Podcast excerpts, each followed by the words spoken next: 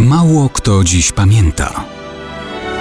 Datownik historyczny prezentuje Maciej Korkuć.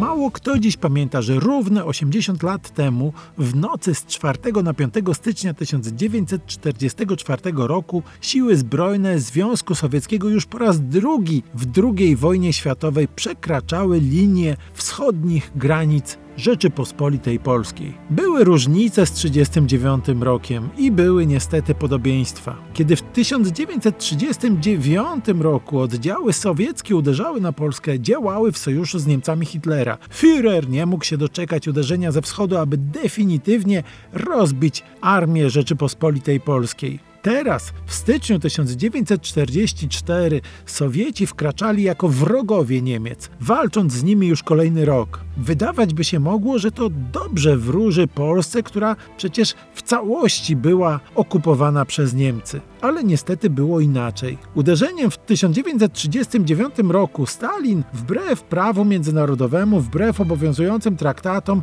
zamierzał dobić Polskę po to, aby w pierwszym rzędzie zagarnąć jej wschodnie województwa przyznane Sowietom w pakcie Ribbentrop-Mołotow. Teraz, w styczniu 1944 roku, było niestety podobnie. Wbrew naszym największym nadziejom i wbrew daninie krwi i wbrew wieloletnim zabiegom Polski w obozie aliantów. Zabiegom o przestrzeganie prawa międzynarodowego, o przestrzeganie najważniejszych umów, którymi alianckie narody zjednoczone były owinięte od stóp do głów. Ich bazą była podpisana również przez Sowietów Karta Atlantycka. Tam wprost stwierdzono, że alianci, cytuję, nie zgodzą się na żadne zmiany terytorialne, które by nie zgadzały się ze swobodnie wyrażonymi życzeniami ludów zainteresowanych. Tymczasem Stalin wchodził na polskie ziemie wschodnie jak do siebie. Wbrew prawom Polski, wbrew prawu międzynarodowemu,